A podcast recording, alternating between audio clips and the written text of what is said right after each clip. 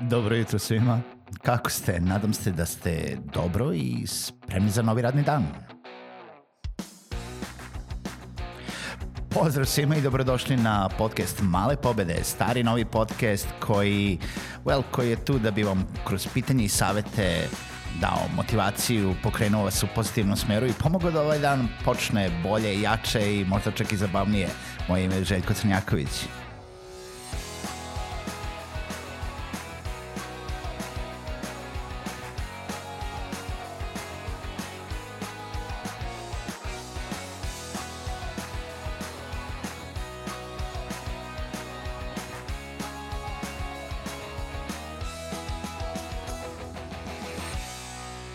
Pozdrav svima, dobro jutro i dobrodošli u još jednu epizodu podcasta Male pobede.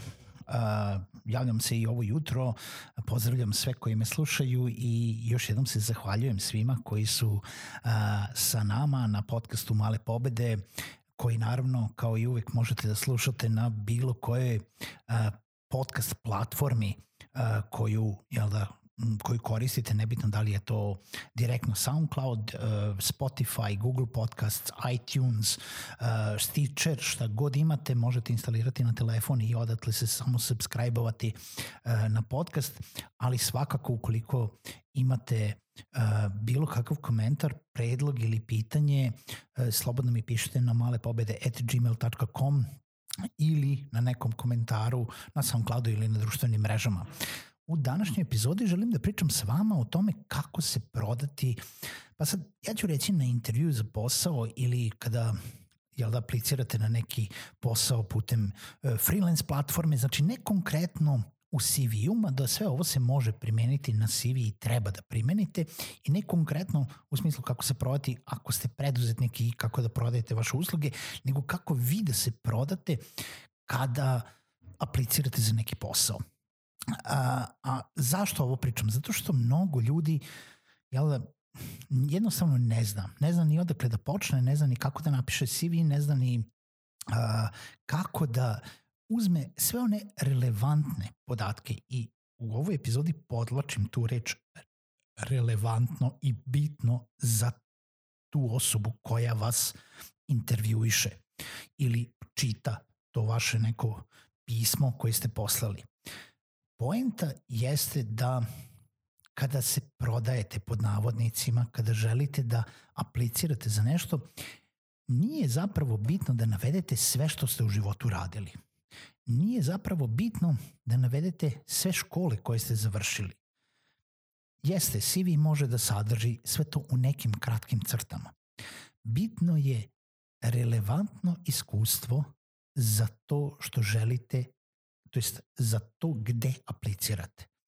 Znači, ako ste vi do sada bili, ići ću jako ekstrem, ako ste bili do sada e, prodavac u nekoj prodavnici, a aplicirate zato da budete dizajner ili programer, onda u tom smislu ne zanima tog nekog ko vas intervjuiše da ste bili prodavac e, 25 godina i šta ste sve prodavali. Mislim, možete da kažete, e, bio sam prodavac 25 godina i onda uh, sam odlučio da se bavim programiranjem. I onda pričamo o tome što je relevantno za tu poziciju. Kako ste vi to naučili? Šta ste do sada radili? Na kojim projektima ste radili? U kojim programskim jezicima ste radili?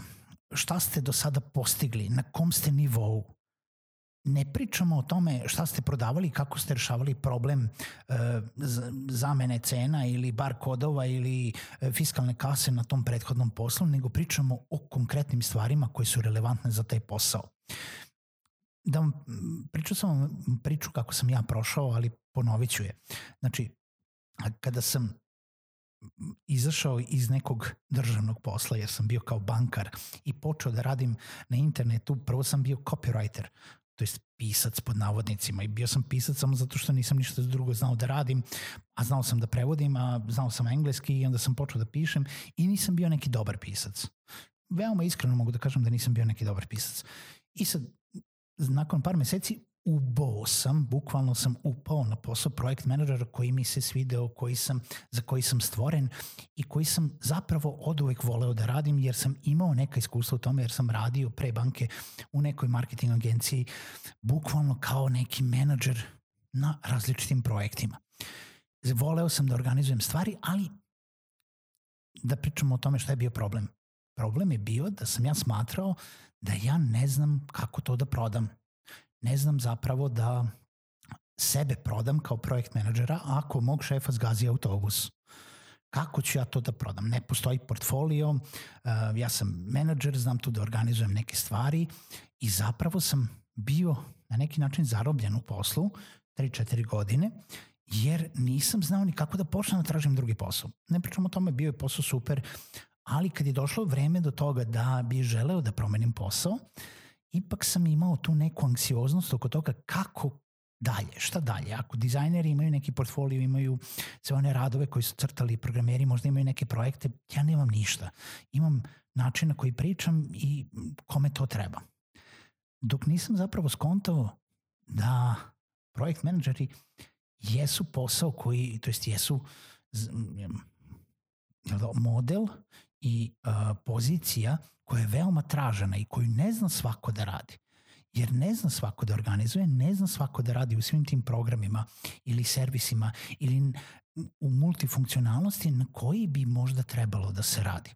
I u momentu kada sam samo pokušao da apliciram negde i na pisao, u tom momentu sam pisao jednu aplikaciju, samo sam napisao šta sam sve radio u posljednje dve godine na toj poziciji projekt menadžera. Ja sam dobio posao u roku 24 sata, koji je isto toliko bio dobro plaćen kao moj prethodni posao. Ili čak i bolje. Znači, zapravo sam samo rekao šta sam sve vodio, u kojima sam servisima, ra u kojim sam servisima na internetu radio, CRM programima, uh, kako su izgledali projekti, kroz koje faze smo prolazili kao projekte, kako smo pričali sa klijentima, uh, kako smo uh, zapošljavali drugi članove tima, uh, kako smo raspoređivali posao, koji smo programe koristili za raspodelu posla, koje smo programe koristili za monitoring vremena. Jer jel da sve je to nešto izašlo iz iskustva. E sad, ako nemate iskustva i onda idete sa time da šta ste do sada radili. Pričali smo o tome, ako nemate iskustva, napravite iskustvo za sebe. Znači, radite na nekim svojim passion projektima. Kreirajte podcast za sebe. Uh, ako ste programer, kreirajte um, neke projekte za sebe, za komšiju, za nekoga besplatno, da biste imali posle šta da pokažete. Ako ste dizajner, uzmite pa radite dizajn ili redizajn nekih poznatih brendova. Nebitno da li ćete vi to njima poslati ili ne poslati uradite dizajn nekome besplatno, jer u tom momentu imate dovoljno vremena da to uradite zato da bi sebi stvorili portfolio. Prodajte sebe sa relevantnim informacijama. Kada pričate sa nekim ko vas intervjuiše za to neko radno mesto ili za poziciju na koju konkurišete. Nemojte pričati E, znam da radim na računaru od Windows 98 e, preko, ne znam, e, milenijuma, vi ste e, do ne, ne znam ja šta, do desetke. E, pa onda znam da radim u e, programskim jezicima, to jest ili u programima Microsoft Office, Adobe, Adobe Corel, Photoshop, ASP, PHP i, i onda ne znam ja šta, sve ostalo video sam nekoga ko na, navodi programske ili neke programske pakete koji više ne postoje. To nije relevantno. Nemojte to da pišete. Govorite ono šta ste do sada radili. Zato je bitno da sebi stvarate prilike, zato je bitno da se edukujete i neformalno i da čitate i da radite i da imate neke svoje projekte sa strane da biste mogli sami sebe posle da prodate u tome šta ste vi sve to radili. Bitno je u kakvoj ste bili atmosferi, bitno je kako ste komunicirali sa drugim ljudima, bitno je gde ste se volontirali ili koje ste projekte imali sa strane, bitno je da li znate da dizajnirate, da li znate da pričate, da li znate da prodajete, da li znate da programirate, da li znate da radite na računar, sve je bitno. Ali relevantno za ono što se traži kod tog datog klijenta. Ako, nam, ako imate neko iskustvo, samo pričajte o tome šta ste konkretno radili i šta biste mogli da radite kod uh, u, jel da, u firmi u kojoj konkurišete ukoliko ste dovoljno upoznati sa tematikom. Ukoliko niste, pitajte. Pitajte tačno šta je vezana za to poziciju, šta vama treba, sa kojim problemima se susrećete i šta je šta bi bilo moje zaduženje ukoliko bi počeo da radim, da li ja to već znam ili bi tek trebao da počnem da učim.